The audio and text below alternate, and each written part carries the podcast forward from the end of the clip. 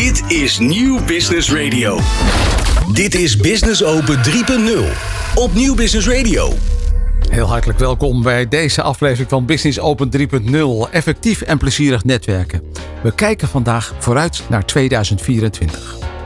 En dat doen we met de volgende gasten. Gelke Waskink van Wassink Business Consultancy. Dexter Versluis van Riddle Story. Koen Rutten van Business Open Nederland. En Nico Hanhart. Business Open 3.0. Iedere derde dinsdagmiddag van de maand tussen 4 en 5 op Nieuw Business Radio. Zaken doen op niveau. Persoonlijk, vertrouwd, to the point. En ik praat allereerst met uh, Koen Rutte van Business Open Nederland. Koen, goedemiddag. Hoe was uh, 2023 voor Business Open? Nou, 2023 was een, een mooi jaar voor Business Open. Blij dat we weer uh, na een periode van, uh, van binnenzitten, online varianten, uh, beperkte netwerkbijeenkomsten, vol gas, vol gas er tegenaan konden met onze gebruikelijke ontbijt- en lunchsessies. Dat onze evenementen weer plaats konden vinden. En vooral zijn we heel blij dat we heel veel vrolijke gezichten hebben gezien. Dat iedereen weer naar buiten mocht. En uh, dat de meeste mensen toch wel met een grote glimlach weer aanwezig waren. En dat, uh, dat een enorme positieve spiraal heeft gebracht gedurende afgelopen jaar. Zijn mensen ook anders gaan netwerken na corona? Ja, je ziet wel dat het, dat het uh, fysieke nog steeds echt heel belangrijk is en cruciaal in de, in de situatie die we hebben. Hè? Het menselijk contact, het visuele. Mm -hmm. Elkaar even zien, treffen, de hand kunnen schudden. Hoe gaat het? Hoe zie je eruit? Um, en, um, maar daarnaast zie ik ook heel veel in mijn omgeving dat als je die relatie hebt, dat toch het online stukje ook wel gebrek, gebleven is vanuit de efficiency. En dat je gewoon met elkaar even snel uh, kort via een Teams of een Zoom-meeting of welke oplossing je dan ook pakt, heel snel uh, to the point kan komen en met elkaar die verbinding op een juiste manier kan, uh, kan, kan duiden. Um, omdat die relatie er al is. En dat, dat vind ik een positief iets wat de afgelopen twee jaar voor, van, van COVID zeg maar, ons heeft gebracht. Mm -hmm. Ja, su super fijn dat het op die manier heel, heel direct en en kan op basis van een relatie die er al is en die we met elkaar hebben. En je zegt, nou ja, met name als je elkaar kent, dan kun je het efficiënter maken. Um, als, als ik nu zie, er zijn uh, zo'n 40 locaties in het land waar de ontbijtsessies en soms lunchsessies plaatsvinden, die fysiek zijn. Maar er is ook een landelijk iets en dat is wel Zoom en dat is wel gebleven, hè? Ja, ja we, hebben, we merken ook dat er een, um, een behoefte is aan een, aan een landelijk netwerk. Hè, waar we dus uh, Groningen, Maastricht, Eindhoven en Den Helder aan elkaar kunnen verbinden.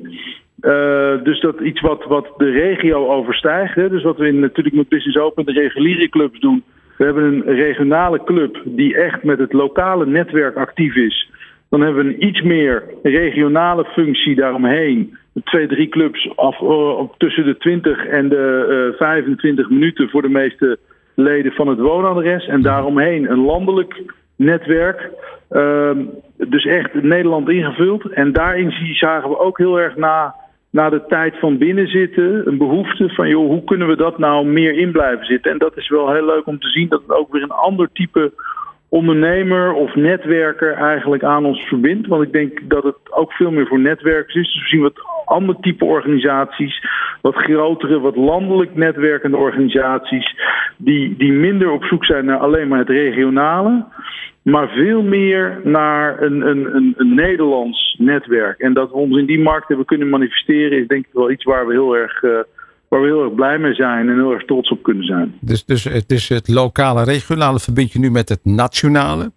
Als we nu even het, ja. uh, het stapje maken naar 2024, hoe, hoe zie je dat dan voor je? Nou, we zien weer dat we toch in ontwikkeling blijven. Hè? Dus het, uh, we merken dat de locatie van het zijn op de golfbaan, waar we uh, een tijdje weg zijn geweest, dat dat toch niet goed is voor de Formule Business Open. Dat we daar echt thuis horen, daar zit ons DNA. Uh -huh. Het vriendjes maken met elkaar op die golfbaan en de interactie creëren. Het hebben van een andere locatie. Dus niet het, het, het, de standaard hotellocatie met een zaaltje, maar juist het wat kneuterige op veel locaties van de golfbaan, die het erg fijn maakt en waar je heel gelukkig van wordt. Um, omdat je met elkaar toch een ander gesprek krijgt dan, uh, dan in die zakelijke omgeving. Dus je gaat veel meer naar het persoonlijke. Dat is ook waar we voor staan. Mhm. Met Business Open. Het straalt ook de sportiviteit uit die we in onze kernwaarden hebben staan. Hè? Dus sportiviteit in het netwerken, sportiviteit als hoe gedragen we ons, sportiviteit in een stukje golf wat we meenemen. Dat is, uh, uh, dat is iets heel fijns. En uh, ja, we zien dus toch echt dat die golfbaan wel bij ons past. En dat dat, dat in ons DNA zit. Ehm, we merken ook weer dat het in de golfbanen. Dat we daar, ja, ja we zijn daar een graag geziene gast. We, we, we komen er graag. we doen onze evenementen daar. De locaties zijn erg geschikt ervoor. Dus dus ja, 2024 is, staat nu weer in, de, in het teken van groei. Veel nieuwe leden. We hebben ongelooflijk veel nieuwe proefleden in onze, in onze koker zitten. Die, uh, die allemaal heel enthousiast zijn. Je ziet ook de ontbijten die we nu hebben met de kerst, die ontzettend goed bezocht worden. En wat voor mooie verhalen we daar horen van de leden van de afgelopen jaar weer, wat iedereen heeft meegemaakt, is waanzinnig. Wat, wat is ja, het mooiste dan... verhaal dat je hebt gehoord, ja? Koen? Mooiste verhaal. Wat zeg je? Wat is het mooiste verhaal dat je hebt gehoord? Nou, ja. ik, denk, ik denk toch wel een verhaal van een, uh, van een ondernemer waar ik geen, uh, uh, geen naam van, van wil noemen en ook geen clubnaam. Maar die vertelde wat er, wat er was gebeurd in de privésituatie. hele nare situatie met tragische ziekte en dergelijke. En als je dan ziet wat zo'n club heeft gedaan op emotioneel gebied. Dus helemaal niks met zakelijk te maken. Maar puur het menselijke daarachter, ja, dat is denk ik wat, uh, waar we het voor doen en wat iedereen raakt. En dan ben je geen netwerkclub meer, maar dan ben je een, een, een vriendenclub met elkaar geworden. Dan heb je een sociale band en dan ben je er altijd voor elkaar. En dat is op nare momenten, maar dat zie je ook heel erg in de momenten van geboorte en dergelijke, dat zo'n club op een andere manier opleeft. En dat vind ik altijd het meest mooie aan deze, aan deze clubs. Geweldig. Dus 2024, Business Open verstevigt zich en wordt uh, een vriendenclub en blijft een vriendenclub en wordt misschien nog meer een vriendenclub. We blijven focussen op zakelijke netwerken, maar de emotie van het ondernemen en de mensen die erachter zitten, die moet centraal staan. En uh, als die goed is, dan kun je met elkaar zakelijk netwerk uit, uh, uitwisselen. Op een fantastische manier kan je elkaar voor elkaar de handen in het vuur steken. Koen Rutte, Business Open Nederland. Dankjewel. Business Open 3.0. Iedere derde dinsdagmiddag van de maand tussen 4 en 5 op Nieuw Business Radio. Zaken doen op niveau. Persoonlijk, vertrouwd, to the point. Duurzaamheid is veel meer dan alleen maar energietransitie of dat je je pand moet verduurzamen. Je kunt op veel manieren en veel fronten bezig zijn met duurzaamheid binnen je bedrijf. Gelske Wassink van Wassink Consultancy is bij ons. Gelske, goedemiddag. Goedemiddag, Rolf. Um, ja, heel veel ondernemers zijn dus bezig met dat verduurzamen van hun bedrijf. Maar ze lopen wel tegen hoge investeringen aan. Bijvoorbeeld bij het verduurzamen van een pand. Op welke manieren kunnen zij nou meer verduurzamen, maar wellicht wel lagere kosten tegemoet zien? Nou, klopt. Veel ondernemers hangen inderdaad het aan tegen de hoge kosten. Uh, maar je kan ook gewoon heel klein beginnen. Het gaat er op zich niet om hoeveel je doet of hoe groot jouw actie is. Uh, maar begin gewoon klein. Kijk eens naar je personeelsbeleid. Uh, ben jij alleen gericht om je medewerkers aan het werk te houden? Of bied je ook doorgroeimogelijkheden aan? Bied je scholingen aan? hoe zit je met je verzuimbeleid? Ben je alleen maar bezig met het beter maken van je medewerkers? Of kijk je ook naar preventie, naar vitaliteit? En kijk ook eens naar de omgeving van je pand. Misschien kun je daar ook wel meer biodiversiteit aanbrengen door andere beplanting of door nestkastjes op te hangen. er zijn zoveel kleine dingen wat je al kan doen die zeker ook niet uh, een hele hoge investering hebben dan gelijk je pand te verduurzamen. Want ja, dat weten we allemaal, dat kost gewoon heel veel geld. Het is een lange termijn investering en dat is gewoon niet voor iedereen alle minuten rendabel. En uh, je zegt, nou ja, lagere kosten. Uh, en je noemt een aantal maatregelen. Uh, ja, waar, waar, begint dat dan qua kosten? Waar moet ik dan aan denken? Dat is heel afhankelijk van het, het aantal medewerkers wat je hebt, het type bedrijf wat je hebt.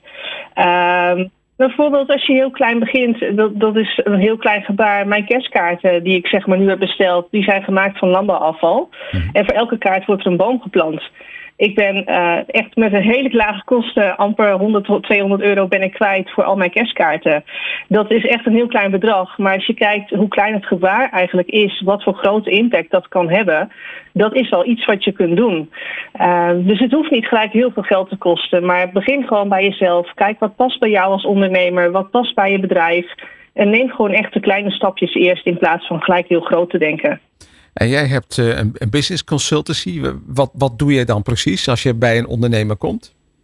Uh, ik ondersteun ze bij het verduurzamen van een bedrijf. Uh, vaak is het zo dat we eerst gaan kijken wat is nou eigenlijk het doel van de ondernemer, wat wil die? Um, en van daaruit gaan we verder bouwen. Ik ga een nulmeting doen om te kijken waar ze nu staan op dit moment en wat er nodig is om de doelen ook te gaan halen waar ze naartoe willen groeien. En dat kan door middel van alleen een impactanalyse en een adviesrapport, maar het kan ook zijn dat er daarna nog meer begeleiding nodig is uh, en dat ze graag willen dat ik ook help met de implementatie. Dat is ook mogelijk. Maar dat is echt uh, ja, gericht op wat de klant wil. Oké. En heb jij nog een kerstboodschap voor ons misschien? Ja, zeker. Nee, wat ik eigenlijk iedereen zou willen meegeven is dat het niet uitmaakt hoeveel je doet aan duurzaamheid. En elke stap die telt, hoe groot of hoe klein die ook is. Dus als we nou met elkaar gaan zorgen dat we allemaal een kleine stap zetten en zo een steentje bijdragen, dan zorgen we ook samen ervoor dat er in 2024 een iets betere wereld komt voor de generaties na ons. Dankjewel, Gelske Wassink van Wassink Consultancy. Dit is Business Open 3.0. Het magazine voor leden van Business Open en hen die dit graag willen worden, maar nog niet weten wat ze missen. Aan de telefoon Dexter Versluis van de Riddle Story. Bij eh, Business Open Radio geloven we dat het delen van verhalen een krachtige manier is om mensen met elkaar te verbinden. Vooral tijdens de feestdagen. Maar hoe kunnen bedrijven deze benadering van verhalen vertellen toepassen in hun onboarding en preboarding processen? Om nieuwe medewerkers een warm welkom te geven. Vergelijkbaar met de gezelligheid en de verbondenheid die we ervaren tijdens kerstmis. Nou Dexter, gaat er maar aan staan. nou, dankjewel. Uh, ja, bij Riddle Story zien we onboarding en preboarding als een uitgelegen kans om medewerkers uh, op een unieke en gedenkwaardige manier te verwelkomen.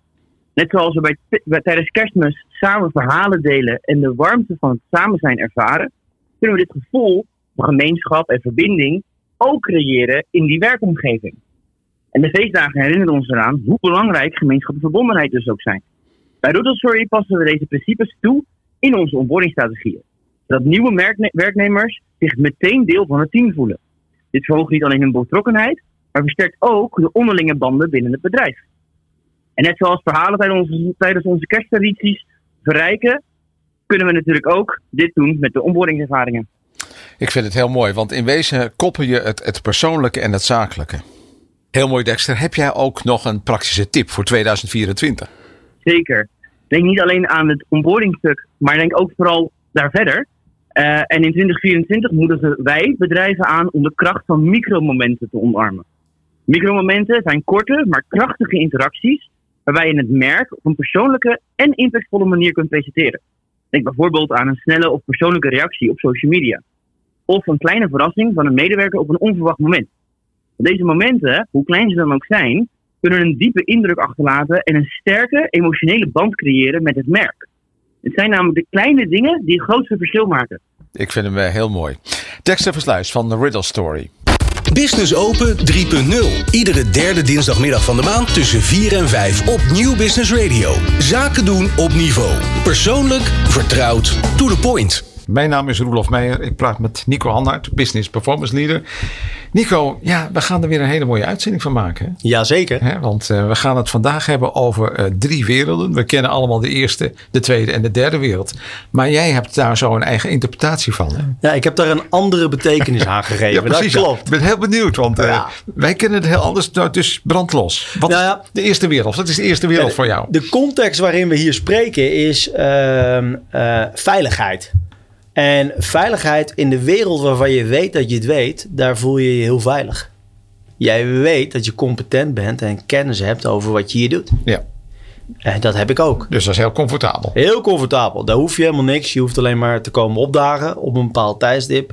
En je doet je ding. Ja. De wereld waarvan je weet dat je niet weet. De tweede wereld. De tweede wereld ja, dat is ook een relatief veilige wereld. Hè? Geef Nico uh, niet een uh, schroevendraaier en dan zegt hij: Goh, kan je even die auto uit elkaar halen? En dat komt echt niet goed. Dan zeg ik: Je moet die en die hebben. Dus dat is ook een veilige wereld. De, de andere wereld, de derde wereld, dat is de wereld waar je meeste groei en expansie zit. En dat is de wereld van blindheid. De wereld waarvan je weet, waarvan je niet weet dat je dit niet weet. En dat is tricky, hè? Ja, daar zit je meeste groei en expansie. En ik, en ik maakte daar straks de voorbeeld. Goh, ik zou wel eh, eh, eh, astronaut willen zijn. Oké, welke impact zou je dan kunnen maken? Weet Ja, ik veel. ja. Moet je André Kuipers bellen, zei ik toen. Ja. Ehm, maar stel voor dat ik het wel zou doen. Discomfort, opleiden, afgeschoten worden. Nou, weet ik het hoe lang hoog. Ja. Gewichtloosheid. Holy shit. Maar het brein zegt, laat me zitten. Je bent lekker comfortabel bezig in wat je nu doet. Dus daar, laat me zitten. Maar daar echt eens goed kritisch naar kijken. Wat zou de impact kunnen zijn als we Nico naar de maan sturen? Een deel van de mensen denkt, heerlijk, zijn we er vanaf? maar dat is ook oké. Ja, daar hebben we nog niet over nagedacht. Maar goed, eh, even terug. Ehm, ik help mensen om te kijken in de wereld van blindheid. Ja, dus jij focust op die derde wereld Ja, voor jouw klanten. Ja, absoluut. Ja. Absoluut. Daar zit je groei en expansie. Daar zit je buikpijn. Daar zit je persoonlijke ontwikkeling, leiderschap, communicatie. ehm, en ieder persoon, of je nou eh, leider bent van een bedrijf of je bent ondernemer van je bedrijf. Hè, eh, gewoon, ik focus me op de leiders. Ehm, ja, eh, niet iedereen is bereid om daar eens naar te kijken. Nee. Wat, wat zit daar in die wereld van blindheid? Heb, heb je eens een voorbeeld van een ondernemer die je begeleidt in die derde wereld? Ja, dan, dan maak ik even een oppervlakkige opmerking. Ehm, en en eh, goh, eh, van de week sprak iemand van goh, ik zei, ik zei tegen hem van goh, hoe krachtig is jouw relatie thuis? En hij zei letterlijk, daar heb ik nog nooit over nagedacht. Dus zo'n simpele vraag kan al ineens tot een bepaald inzicht komen. Eh, en daarvan zei hij, goh, wat bedoel je ermee? Ik zei, nou joh, goh, wat voor gesprekken voer jij met je vrouw? Waar gaat dat over? Of, of zijn we gewoon het bedrijf thuis aan het leiden? Ehm, luister je wel eens intentioneel naar haar? Nou, wat bedoel je? Eh, gewoon, stel je, vraag je wel eens door of zeg je ja, is goed. En denk je. Ja. Vergeet je wel eens iets als zij wat aan je vraagt? Al- Het eerlijke antwoord is ja. Ik ook. Hoe komt dat? Omdat we niet altijd luisteren. Ja. Dus alleen al die vraag eh, maakte bij hem al zichtbaar dat hij denkt: holy, ik heb werk te doen thuis, ik heb gesprekken te voeren. Eh, in business hetzelfde. Eh, ik begeleid ehm, een, een, een jonge man die een bedrijf wil overnemen van zijn vader. Ehm, de kern van het werk wat ik met hem doe is eigenlijk dat hij de afgelopen jaren zijn vader vooral een please is. Uit angst dat hij het bedrijf niet over kan nemen. Oké, want hij werkt al wel in dat Ja. bedrijf. Zijn vader werkt er ook nog. Ja. En eigenlijk is de vader de leider, die bepaalt alles. eh, de, de betalingen, eh, akkoord geven op, op eh, investeringen. En eigenlijk is de zoon, eh, ja, ik, ik noem het even de marionetpop van. Ja, ja. Eh, dus als pa zegt rechtsaf, dan zegt hij oké. Ehm, en ja, dat is oké. Tot met dien verstande dat eigenlijk zijn vader niet kan zien wie hij is. Dus overname van het bedrijf wordt uitgesteld. En dat zie je ook, Maar, maar wat, feitelijk. wat is zijn rol dan nu? Is hij bedrijfsleider? operationeel eh, eh, directeurrolachtig. of- Oh ja. Ehm, eh, eh, geformaliseerd, maar niet op eh, commitments en op outcome. Dus welke targets heeft hij? Wat, ehm, hoe ziet de sales eruit? Ehm, eh, wat is, waar geven we ons geld aan uit? Dat allemaal niet, want dat regelt de vader. Ehm, Wat, wat doet hij dan wel? eh, de, de aansturing van de, de collega's. Ehm, hij zit letterlijk eh, achter de receptie op dit moment.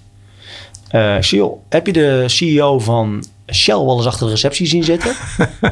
Ja, ja. En waarom doet hij dat dan? Ja, het is angst dat het, eh, dat het bedrijf inzakt. Want ja, ehm, de pensioen zit daar ook in hè, van vader. Mhm. Dus er zit een enorme loyaliteit. En dat kost die zoon nou, een stukje persoonlijke ontwikkeling. Ja. Eh, dat kost die zoon ehm, ehm, eigenlijk zijn eigen leiderschap. En waarmee bedoel ik dat? Hij is eigenlijk continu zijn vader aan het pleasen. Ja. En dat erkent hij ook, hè? maar dat had nog nooit iemand gezegd. Dus die derde wereld wordt daar geopend. Wie is hij daar? Nou, dat jochie op dat driewieletje zeg ik altijd. Ja. Kijk pa. Hoe goed kan ik fietsen? Ja. Ja. Maar stap er gewoon eens af. Ik stop dit. Ja. Ja, ik En besluit eens wie je wil zijn. Want hij is getrouwd, hij heeft een kinderwens. En aan de andere kant is het een heel klein jochie op zijn driewieletje. Is het gek? En, en hij is jouw klant dan? Hij is, ja, met hem werk ik Ja? en vader niet. Nee. En Dat is wat het is. Oké, dus, dus. En hoe pak je dan zoiets aan? Want ja, het, het is, hij heeft een aantal blinde vlekken. Ja, Hoe maak je die dan zichtbaar dat het ook echt binnenkomt? bij heel simpel.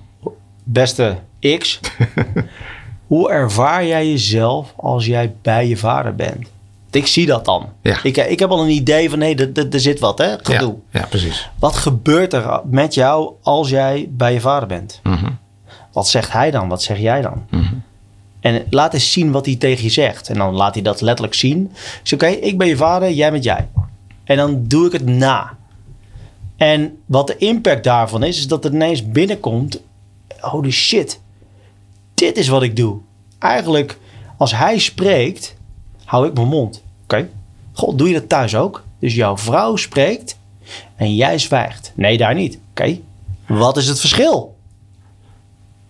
De situatie is hetzelfde, alleen de personen zijn anders. Nou, eigenlijk is de conclusie voor hem: ik maak mijn vader heel groot. En ik ervaar mijn vader als iemand waar die gewoon niet redelijk is. Hij heeft zelfs gezegd: eigenlijk in de kern haat ik hem. Zo, Oké, wauw. nou, dankjewel. En hoe werkt dat voor je? Wat is je doel? En werkt dit als jij je doel wil bereiken? En dan is het eerlijke antwoord nee. Dus je zal een andere betekenis moeten gaan geven aan de persoon. Noem hem je compagnon, niet je vader. Dan draai je die wereld door elkaar. Eh, Familie, compagnon. Dat zie je heel vaak in relaties ook. Een man-vrouw die een bedrijf hebben. En die zeggen dan in hun bedrijf... Lieverd, zou je even? Ja, dodelijk. Ja, Tenzij je een hele krachtige relatie hebt. oké. dus die relatie is, is belangrijk. Eh, die blinde vlekken komen dan naar boven. Ja. Maar het betekent wel dat hij een, een stap moet gaan doen. Hij moet confronteren. Juist. En ehm, je moet bereid zijn, en dat is het meest lastige. Eh, lastig als je het ook echt heel lastig maakt in je hoofd. Ehm, om die angst om iemand ja, teleur te stellen, even in deze context, die zou je moeten loslaten. Ja, hoe doe je dat? Krijg ik dagelijks. Hoe doe je dat? Nou, door het te besluiten. En dan zeggen we altijd, zeg ik altijd: Goh, als ik nu een pistool tegen je kop aanzet, kan je het dan wel besluiten? Ja, dan wel. Oké, nou, wat is het verschil dan? Ja, het is, Ja, zo, zo simpel is dat dan ook weer. Hè? ja, het maakt, je stapt dan misschien wel over heel veel zaken heen. Maar aan de andere kant, maak het gewoon simpel. Ja. Want de reden dat je het niet doet, is omdat jij een verhaal hebt draaien over de situatie, over de familie, over je vader, over jezelf. Over, goh, als ik dit doe, dan eh, trapt hij me eruit en dan heb ik helemaal niks meer. Dus eigenlijk ben je bang om iets te verliezen. Het is angst. Het is gewoon angst. Ja. En Angst. dit, en dit komt bij ondernemers voor. Jij traint ook eh, managers en directeuren die niet Ja. eh, eigenaar gaan worden. Nee. Eh, is daar dan een verschil? Ehm, in de kern heeft iedereen al angst ergens voor. Mhm. Dus zit er een verschil? Nee. Ehm, zo kijk ik ernaar. Eh, het enige verschil wat er kan zijn is...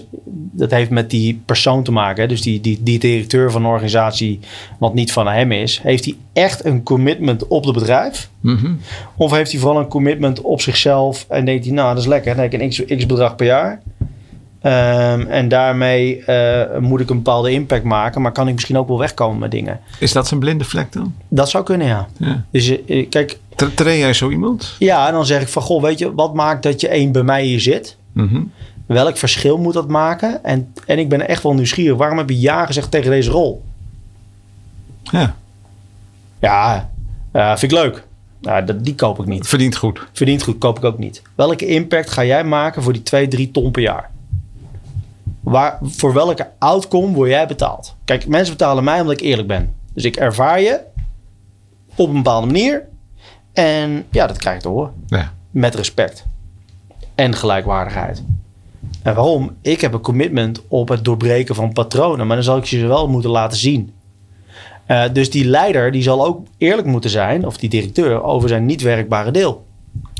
Die zal dus eerst ten opzichte van zichzelf eerlijk Ah, de moeten zijn. 100%. Daar begint alles. Ja. En pas als iemand bereid is om dat te doen, kan ik iemand verder helpen. En als iemand dat niet wil, dan zijn we geen match. Dan wordt het duwen trekken. Hè? Ja, werkt En het ehm, eh, wat ik niet doe, ik ga je niet s'morgens uit je auto halen en zeg: Kom, we hebben een afspraak. soort van voetbalwedstrijd. En eh, de spits daar zit nog in, de, in zijn auto op het parkeerterrein. en Van Gaal die moet je komen halen. Ja, dat werkt niet hè? Werkt niet. Dan zegt Van Gaal, wil jij lekker doen? Doei. ja, vind ik leuk. Ja, nou ja, goed. Trainers worden natuurlijk altijd subiet ontslagen. Hè? Dat, dat, Ja. dat gaat altijd heel snel. Ja, dat gaat heel snel. Als je de resultaten niet haalt, ben je eruit. Zou het bedrijfsleven ook niet gek zijn hoor? Als je resultaten niet uit... Ja. Maar waarom doen we dat niet? Omdat we bang zijn. Ja. Ja. Ja, wat, hoe moeten we dan verder? Nou, je moet gewoon altijd zorgen dat je backups hebt in je organisatie. Ja, dus, dus dan hoef je die angst ook niet te hebben. Leiderschap. Hè? Je zegt van nou, eh, leiderschap is belangrijk. Ik, ik train mensen in leiderschap, ondernemers, maar ook, ook managers in, in bedrijven. Wat, wat maakt jou nou tot een leider? Leg je dingen op een mensen of nodig je mensen uit? Ja, voor mij is het zijn van een leider is dat je extreem goed moet kunnen luisteren naar wat, wat gebeurt er aan de overkant. Eh, je moet nieuwsgierig zijn naar de ander. Waar bevindt die ander zich? Eh, in plaats van dat jij verwacht van die ander dat die doet wat jij wil. Eh, dingen opleggen werkt niet altijd. Tenzij je echt gewoon helder en niet, zaken niet wil tolereren. Dus je moet extreem goed kunnen luisteren. Je moet goed, extreem goed moeten kunnen communiceren. Ehm, je wil mensen uitnodigen om commitments te maken. Afspraken. Z- zij moeten het dragen. Hè? Ja. Jij hebt een doel. Je wil eh, verdrievoudigen met je organisatie. Ja, ik wil verdrievoudigen. Ja, dat zegt mij nog helemaal niks. Nee. Van waar naar waar gaan we dan? Eh, Oké, je hebt eh, vijf salesmannen. Hebben die ook dit commitment? Of hebben die een ander commitment? Zorgen dat ik de 24e van de maand haal.